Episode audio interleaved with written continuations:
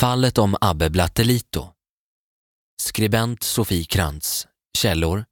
Förundersökningen, ljudfiler ifrån rättegången samt tings och hovrättsdomen. Vissa namn i berättelsen är ändrade.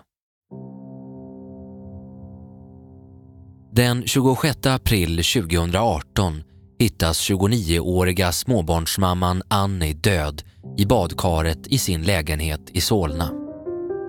Det ska senare visa sig att hon har stora mängder av det smärtstillande narkotikaklassade läkemedlet tramadol i blodet. Till en början ser det ut som ett självmord, men det dröjer inte länge förrän hennes tidigare pojkvän blir misstänkt för mord. Ex-pojkvännen kallar sig Abbe Blattelito och är en så kallad influencer och Instagram-profil. När kvinnan hittas så finns även hennes två och ett halvt åriga dotter kvar i lägenheten och familjen förstår omedelbart att det är någonting som inte stämmer. Hon skulle aldrig någonsin lämna sin dotter och definitivt inte ta sitt eget liv. Under lång tid så har ett bråk pågått mellan Annie och Abbe om en lyxbil som de köper tillsammans under deras förhållande. Överenskommelsen bara att hon skulle ha bilen i sitt namn och Abbe skulle betala. Men så blir det inte och det skapar stor osämja. Till saken hör också att Abbe misshandlat och hotat Annie vid flertalet tillfällen. En gedigen utredning drar igång och luftslottet som Abbe byggt upp skulle snart raseras. Senare i tingsrätten skulle han dömas skyldig till mord, men i hovrätten helt frias ifrån ansvar på den punkten.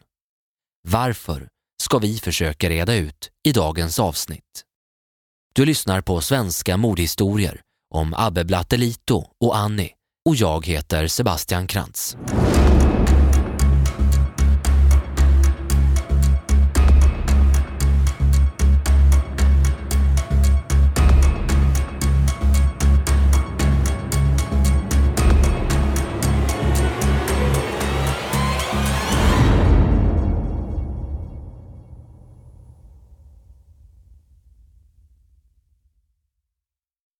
Jag vill att alla som hör det här lyssnar. När jag inte gör poddar eller jobbar med annat så ägnar jag min fritid åt någonting som jag brinner för från djupet av mitt hjärta. Det kanske kommer oväntat, men jag kör djurambulans. För snart åtta månader sedan så drog jag igång den ideella föreningen Djurambulansen i Jönköping.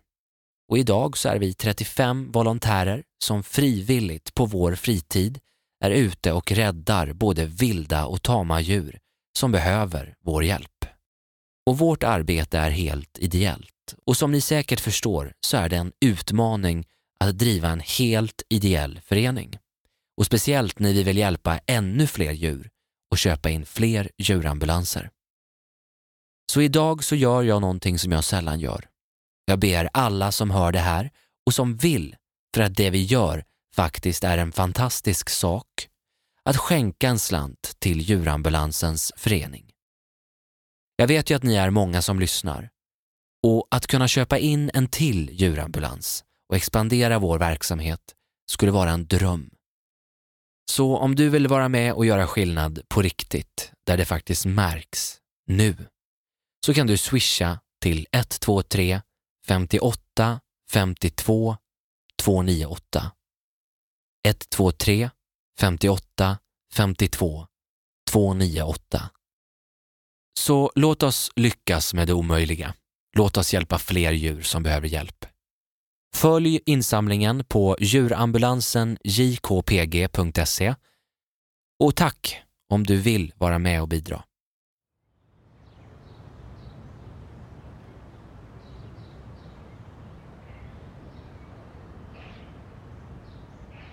Annie och Abbe träffas under sommaren 2017.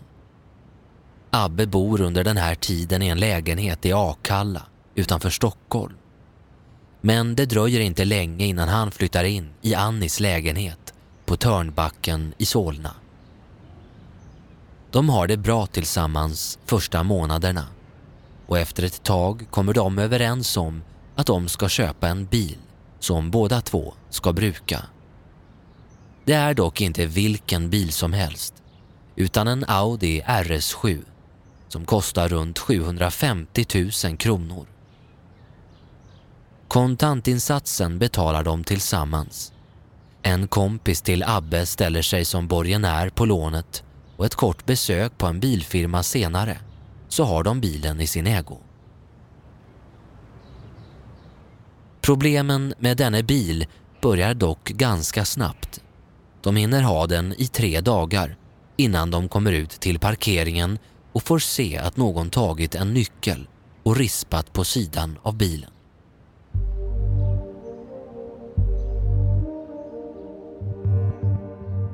Abbe Al-Saadi är eller var en i vissa kretsar välkänd profil på Instagram med tiotusentals följare. Han hade skapat sig en image genom att filma och lägga ut korta filmer på Instagram eller Snapchat på sig själv och sitt liv när han bland annat festade, gjorde practical jokes och körde snabba bilar. Enligt egen uppgift ökade antalet följare ifrån cirka 20 000 till 80 000 när han flyttade från Göteborg till Uppsala där han började träna på gym och tatuera sig. I samband med det började han äta stora mängder tramadoltabletter och anabola steroider. Den fina bilen blev en guldstjärna för honom som han själv har uttryckt det och han försörjde sig bland annat på att sälja preparatet Melanotan, ett ämne som injiceras i kroppen för att bli brun och smal.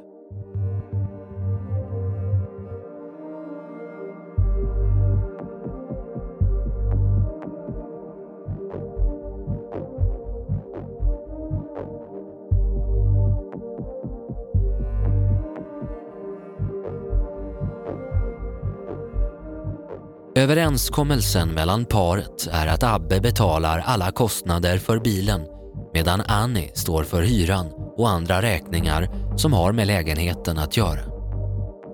Men det tar inte lång tid innan förhållandet börjar kantas av bråk, svartsjuka, våld och hot. Abbe betalar inte bilen som han har lovat och misshandlar Annie vid flera tillfällen och det här dokumenterar hon genom att skriva och prata med vänner och familj samt ta bilder på sina skador. Hon och hennes vänner har på grund av Abbes beteende kommit på ett eget kodsystem med emojis. Rosa blommor betyder “skriv inte, han är här” och tre ballonger betyder “ring 112”. I slutet på december 2017 eskalerar allting och i januari får Abbe flytta ifrån lägenheten på Törnbacken. Det är ingenting som han vill acceptera och han hotar med att inte betala kostnaderna för bilen om de inte blir tillsammans igen.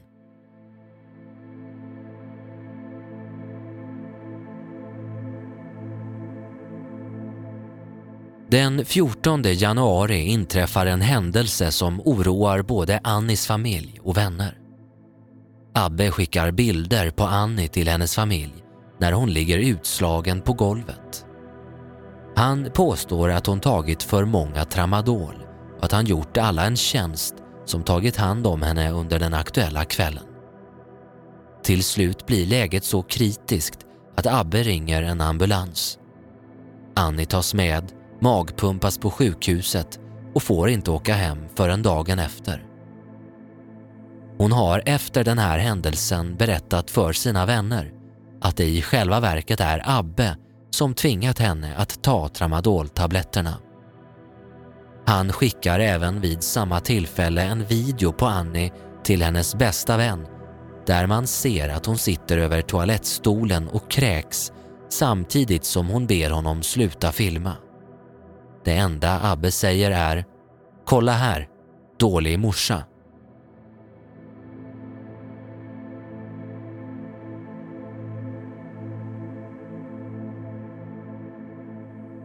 Annis vänner försöker få henne att gå till polisen och det tänker hon göra vid flera tillfällen men hon ångrar sig alltid i sista sekund på grund av rädslan. Samma kväll som hon ska ha tvingats ta tabletterna så skriver Abbe från Annis telefon till hennes vän. Annie ligger här bredvid mig. Det är ditt fel om hon dör.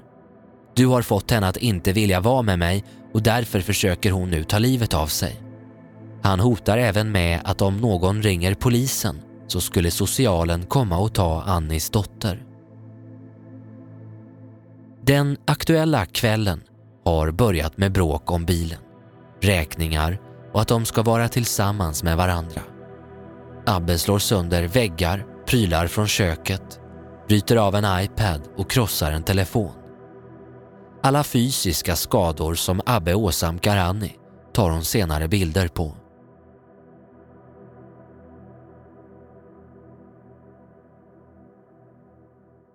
Den 22 mars 2018 tar hon med sig en väninna och går till polisen för att anmäla Abbe för allt han har utsatt henne för. Men hon uttrycker hela tiden att hon inte tror att hon vågar medverka i en utredning emot honom ännu. Hon är rädd för vad som ska hända när han får reda på anmälan. Vid det här laget har hon fått nog. Hon skakar och gråter samtidigt som hon berättar för polisen om olika tillfällen där Abbe utsatt henne för misshandel, hot och kränkningar. När polisen vill gå vidare med utredningen så drar Annie dock tillbaka sin anmälan. Kort efter händelsen då hon fick åka in till sjukhuset och magpumpas på grund av tramadolen så sker ytterligare en misshandel. Abbe piskar henne med ett bälte och drar då även bort hennes naglar och ögonfransar.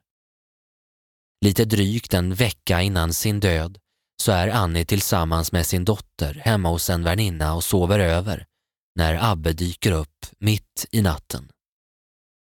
De vaknar av att någon kastar sten in på balkongen tills en ruta går sönder. Abbe skriker på Annie och försöker ta sig in i porten. Till slut kommer polisen och plockar upp honom.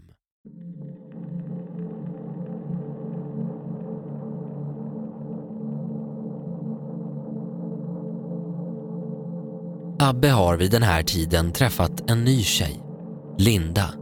Och det är henne som han kommer spendera mestadels av tiden med under dagarna före och efter Annis död. Men vad han inte vet då är att Linda själv anmält honom bara en vecka tidigare för misshandel. I april 2019 så har de två träffats i ungefär två månader. Trots den korta tiden så har Abbe visat en grovt kontrollerande sida och misshandlat Linda vid flera tillfällen.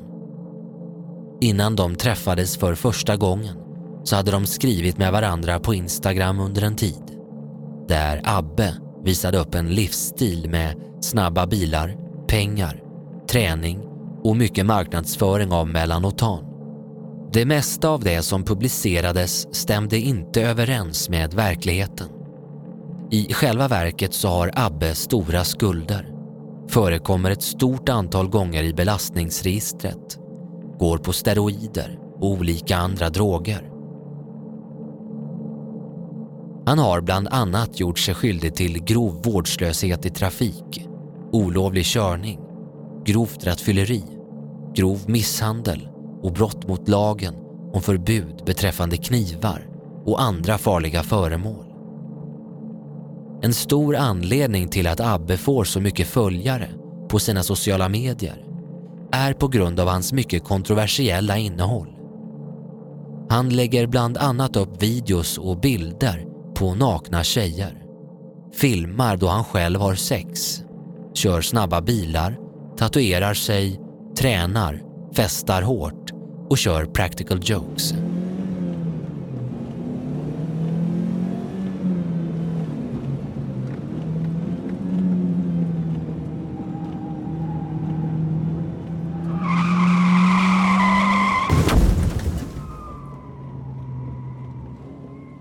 Den 14 mars 2018 så är Abbe med om en olycka med Audin. Vid det här tillfället är det inte han själv som kör bilen, utan en vän till honom. Detta gör att bilen drar åt sig ytterligare stora kostnader som Abbe inte har någon möjlighet att betala för. Och den 24 april så har Abbe och Annie inte träffats på ett tag. Annie har fortfarande inte fått pengarna som han är skyldig henne för bilen och andra räkningar och har nu tröttnat. Ett samtal spelas in mellan dem från Abbes nya flickvän Lindas telefon. Där kommer de till slut överens om att han ska fixa pengar på något sätt och hon måste träffa honom dagen efter om hon vill ha pengarna.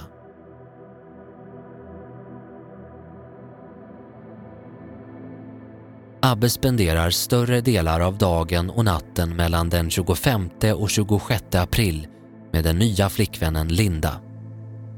Han uttrycker inför henne att han vill att Annie ska lida. Han vill ta ifrån henne det som betyder mest för henne, dottern. Han är ute efter att sätta dit henne för någonting. Han säger bland annat att han ska försöka se till att få henne att hålla en pistol så att den får hennes fingeravtryck på sig. Alternativt få henne att ta droger. På kvällen den 25 april bestämmer sig Abbe och Linda för att åka in till centrala Stockholm och gå på Casino Cosmopol. Tidigare samma kväll så har Linda sett när Abbe blandar en spruta med tramadol i. Han säger att han ska ge Annie sprutan så att hon får droger i blodet. Ringa socialtjänsten dagen efter så att de kommer och hämtar hennes barn. Det är i Lindas lägenhet som ligger i Östberga där själva blandningen av sprutan äger rum. Linda sitter i vardagsrummet när hon ser att Abbe tar fram en kastrull och börjar mosa ner tabletter i den. Efter det frågar han Linda om han kan ta innehållet ur en nässprayflaska som hon har i kylen för att blanda ut dem. Sprutor hade han gott om på grund av försäljningen av Melanotan och tramadol hade han tillgång till för att han tog stora mängder, framförallt när han tatuerade sig. Så stora att det flera gånger resulterade i krampanfall.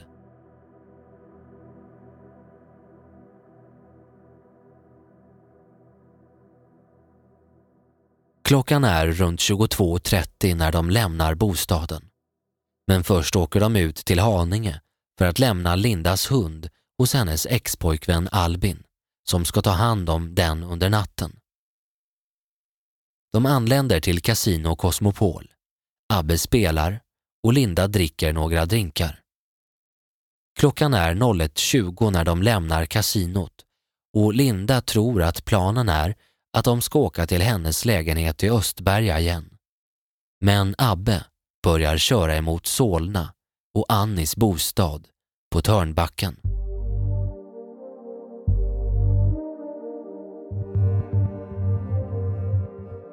När de stannar på Törnbacken så är klockan 01.55 och Abbe säger till Linda att han ska fixa en sak. Han plockar ur någonting som Linda inte hinner se ur bagaget och går iväg. Han ber henne vänta i bilen så länge. När Abbe gått in i porten klarar hon inte av att vänta mer än några minuter innan hon börjar må illa och får en panikkänsla i kroppen av att någonting inte står rätt till. Hon kör iväg med bilen och ringer till exet Albin och säger att hon är rädd för att Abbe är hos Annie för att skada henne. Hon berättar även om sprutan som hon sett honom blanda tidigare under kvällen.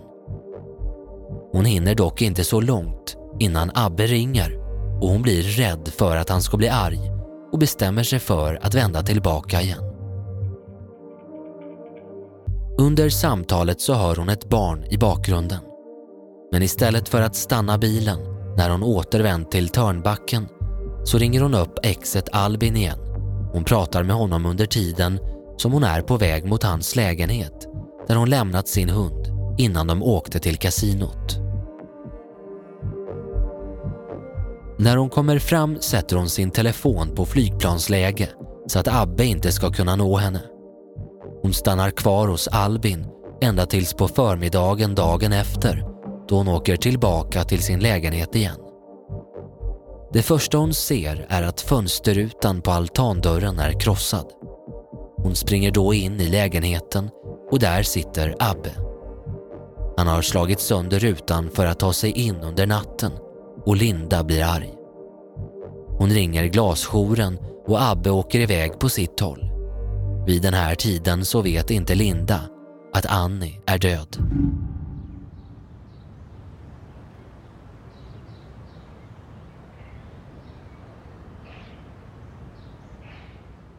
Under dagen den 26 april så kontaktar Abbe Annis mamma och bästa vännen. Han ringer mamman och frågar om hon vet vart Annie är. Han vill lämna pengarna han är skyldig, men får inte tag på henne. Han frågar även om mamman kan följa med hem till Annie, vilket hon upplever som mycket märkligt. Han hör även av sig till hennes vän och frågar samma sak.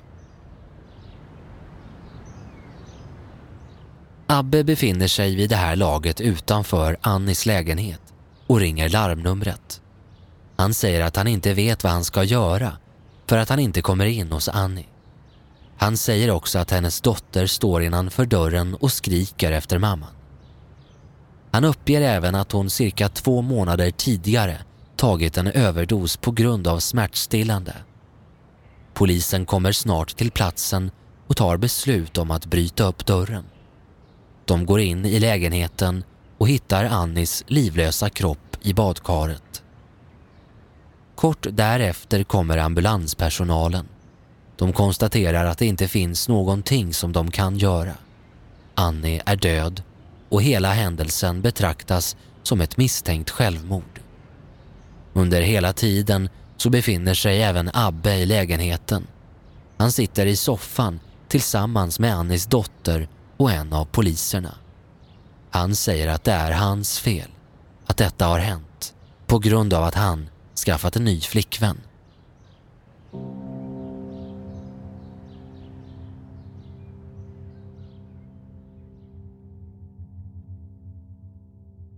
Samma dag som Annie hittats död så lägger Abbe upp en sista story på sin Snapchat där han skriver följande. Önskar att den här dagen inte existerar.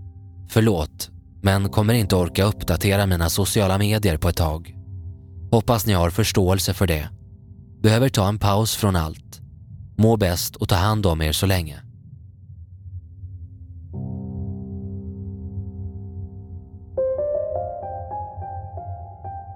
Linda jobbar som ambulanssjuksköterska. Den aktuella dagen får hon och hennes kollega ett larm om en intox. Det var lite oklara omständigheter om händelsen. De får veta att det finns en tvåårig flicka i lägenheten och att polisen skulle möta upp. När ambulanspersonalen kommer in så har polisen kollat efter livstecken på Annie utan resultat.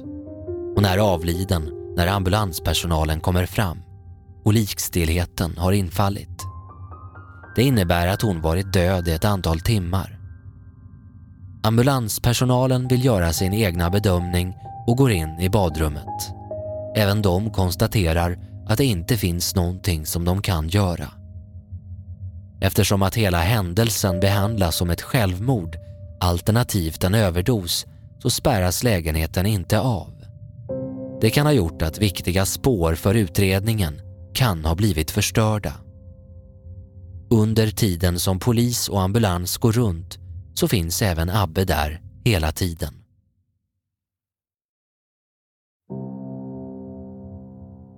Av den tekniska utredningen så framgår det att Abbe var uppkopplad mot Annis wifi omkring klockan 02.01 till 02.21.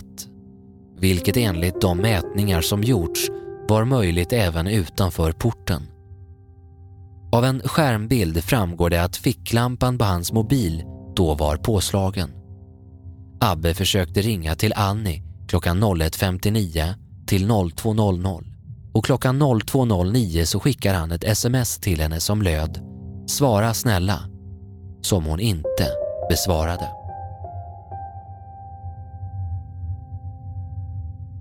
Av utredningen framgår det vidare att Abbe skickade ett sms till Linda klockan 02.04 och sedan hade han ett uppehåll i kommunikationen till klockan 02.21. Klockan 02.22 så skickade Abbe ett sms till Linda där det står Väntar du på mig eller tar du en taxi? Bestäm. Under tiden som Abbe kopplades upp på master som täckte Annis bostad ringde han till Linda sammanlagt 11 gånger och hon ringde till honom två. De pratade endast vid två tillfällen av dessa 13 tillfällen. Båda samtalen klockan 02.29 i 38 sekunder respektive en minut och 28 sekunder.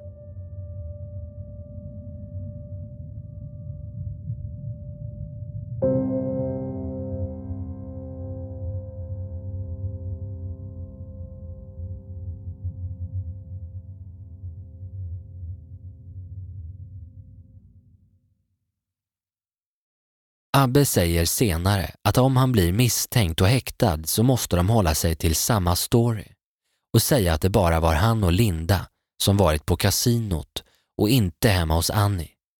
Linda ansträngde sig för att inte visa att hon reagerade, för hon visste inte vad som skulle hända då. Abbe tyckte att hon verkade ta lätt på det han berättade, men det gjorde hon inte. Abbe berättade att han hade gett Annie sprutan och att hon inte hade gjort något motstånd. Att hon hade fått ett epilepsianfall eller kramper och att han hade försökt ge henne vatten och jordgubbar. Han sa också att han hade lämnat tramadol på bordet och att de hade saknats dagen efter. Han undrade varför Annie hade tagit mer efter att han hade gått. Han sa att Annie hade varit vaken när han gick och att han hade blivit orolig när hon inte svarade och därför ringt polisen. Tingsrätten kommer fram till att Abbe al-Saadi ska dömas för bland annat mord. Det är ställt utom rimligt tvivel att han har tagit livet av Annie Andersson genom att med hjälp av en spruta ha fyllt henne med en dödlig mängd tramadol och innan eller efter det har placerat henne i ett vattenfyllt badkar så att hon drunknade. Vi ska därför börja med vad tingsrätten tyckte för att sedan avsluta med hovrättens slutgiltiga dom, vilket också friar Abbe ifrån mordanklagelserna. Först och främst så radar man upp diverse datum där man hänvisar till att Abbe misshandlat, ofredat eller på annat sätt skadat Annie. Det gäller över tio tillfällen. Och man tar också upp rubriceringen mord. Tingsrätten skriver där följande. Abbe al-Saadi har dödat Annie genom att ha försatt henne i ett dödligt förgiftningstillstånd orsakat av tramadol och innan eller efter det har placerat henne i ett badkar med vatten vilket orsakat att hon drunknat under kraftig påverkan av tramadolen. Han har försatt henne i förgiftningstillståndet genom injektion av tramadol i hennes kropp och eller genom att oralt ha tillfört hennes kropp tramadol. Man skriver också att Abbe begick gärningen med uppsåt och han döms till 18 års fängelse i tingsrätten. Men hovrätten säger följande. Den 26 april 2018 klockan 14.30 så hittas Annie död i sitt badkar på Törnbacken 8 i Solna. Genom de vittnesförhör som har hållits med polis och ambulanspersonal så anser hovrätten att det är klarlagt att hon då var likstel. Av dödsfallsrapporten så går det bland annat att utläsa att två ljus brann i badrummet och att dessa var placerade på handfatet samt att vattnet i badkaret släpptes ut innan några vattenprover hade tagits. I rapporten anges också att fyra tabletter, vilka Abbe al-Saadi uppgav vara tramadol, fanns på balkongen men att dessa senare flyttades till köksbordet. Och förundersökningen inleddes först den 27 april och tre dagar senare genomfördes en brottsplatsundersökning. Och av den så framgår följande. På köksbordet låg tre sprutor med nål och texten insulin. Vid analys påträffades melanotan i en av sprutorna På bordet låg också fyra röda tramadoltabletter och en ampull innehållandes en genomskinlig vätska. I kylskåpet fanns en spruta av samma typ som sprutorna på bordet samt en ampull med vitt pulver. I ampullerna påträffades melanotan. På vattenomställaren till kran och dusch i badrummet fanns DNA från Annie och Abbe al-Saadi. På tändaren som anträffades i handfatet fanns DNA från Annie. Den 1 juni 2018 hittade polisen en karta med fem tramadoltabletter i lägenheten. Kartan var placerad i en ficka som fanns på suffletten till en barnvagn. En specialist uppger också, om all tramadol intas via munnen borde det spridas ungefär jämnt i vävnaden i huden. Om Annie Andersson skulle ha fått i sig all tramadol genom injektion borde det inte ha funnits förhöjda halter i maginnehållet. Det senare talar mer för att tramadolen intagits både via munnen och genom injektion än endast på det ena eller det andra sättet. Och det går därför inte utesluta att all tramadol tillförts Annie genom oralt intag. Alltså att hon själv ska ha tagit dem genom munnen. För att Abbe al-Saadi ska dömas för mord i hovrätten krävs det först och främst att det är visat att han befann sig i Annie Anderssons lägenhet på natten till den 26 april 2018. Därutöver måste det gå att klarlägga vad som inträffade i lägenheten för att det ska vara möjligt att utesluta andra händelseförlopp. Men det går inte. Och därför så frias han helt ifrån mordanklagelserna och den nya domen i hovrätten blir tre år och sex månader. Tack för att du har lyssnat på Svenska mordhistorier. Vi hörs igen nästa vecka.